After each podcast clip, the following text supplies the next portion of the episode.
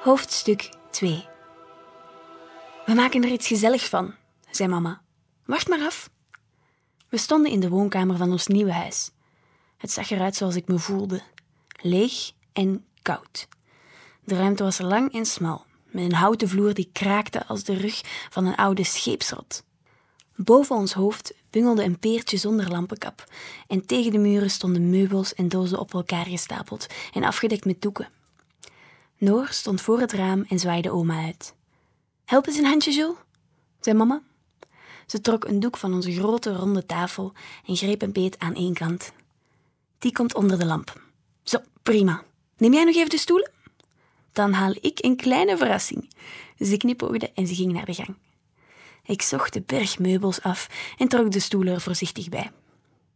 Een eerste stoel voor mama, een tweede voor Noor, de derde voor mij, de vierde. Ik bleef besluitloos staan.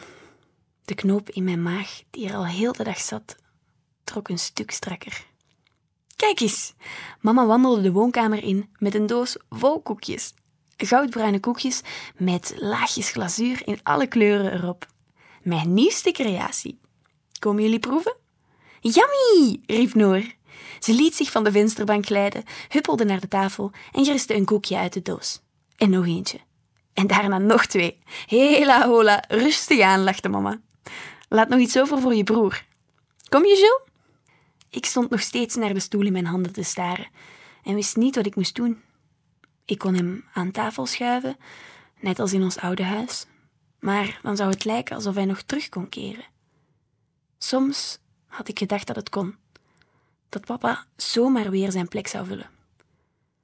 Zijn lange benen onder tafel, zijn ellebogen er bovenop, een lach van oor tot oor. Niks gebeurd, wat een mop. Of ik kon de stoel laten staan, waar hij stond, tegen de muur. Maar dat zou net zo vreselijk zijn, alsof hij er niet meer bij hoorde. Afgeschaft, weggezet, aan de kant geschoven. Plots stond mama naast me. Ze nam de stoel van me over en duwde me zachtjes richting tafel. Die zetten we erbij, oké? Waar moet opa Noël anders zitten als hij straks op bezoek komt?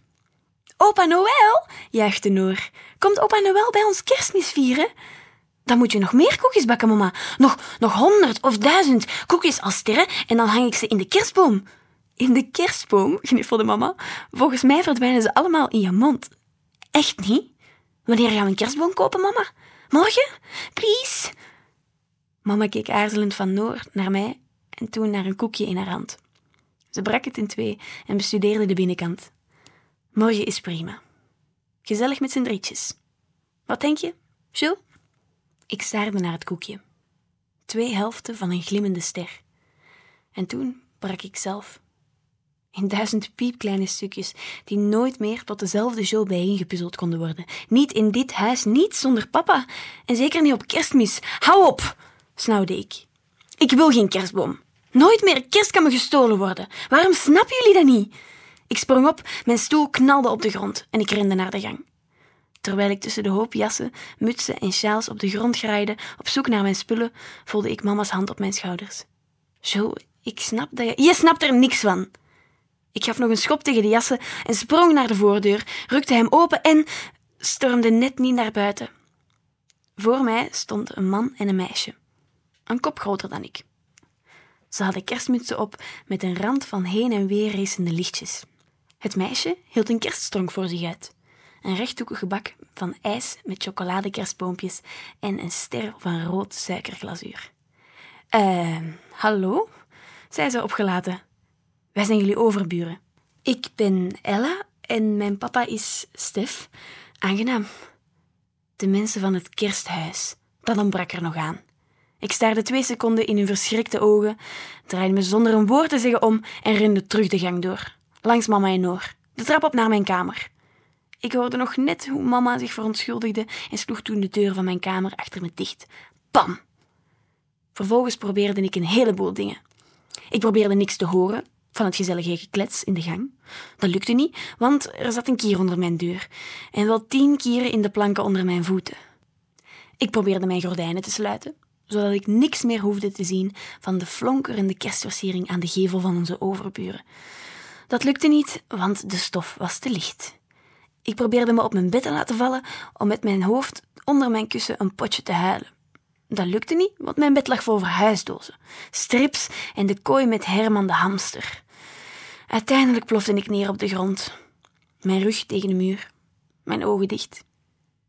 Ik was zo moe en zo boos en zo moe van al dat boos zijn dat ik even niks meer kon.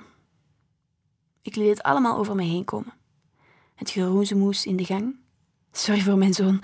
Bla bla bla bla bla. Beetje wennen. Bla bla bla bla bla. De lichtvlekken die over mijn plafond dansen. Rood, geel, groen, flash. Rood, geel, groen, flash. De dozen om me heen met mijn elfjarige leven erin.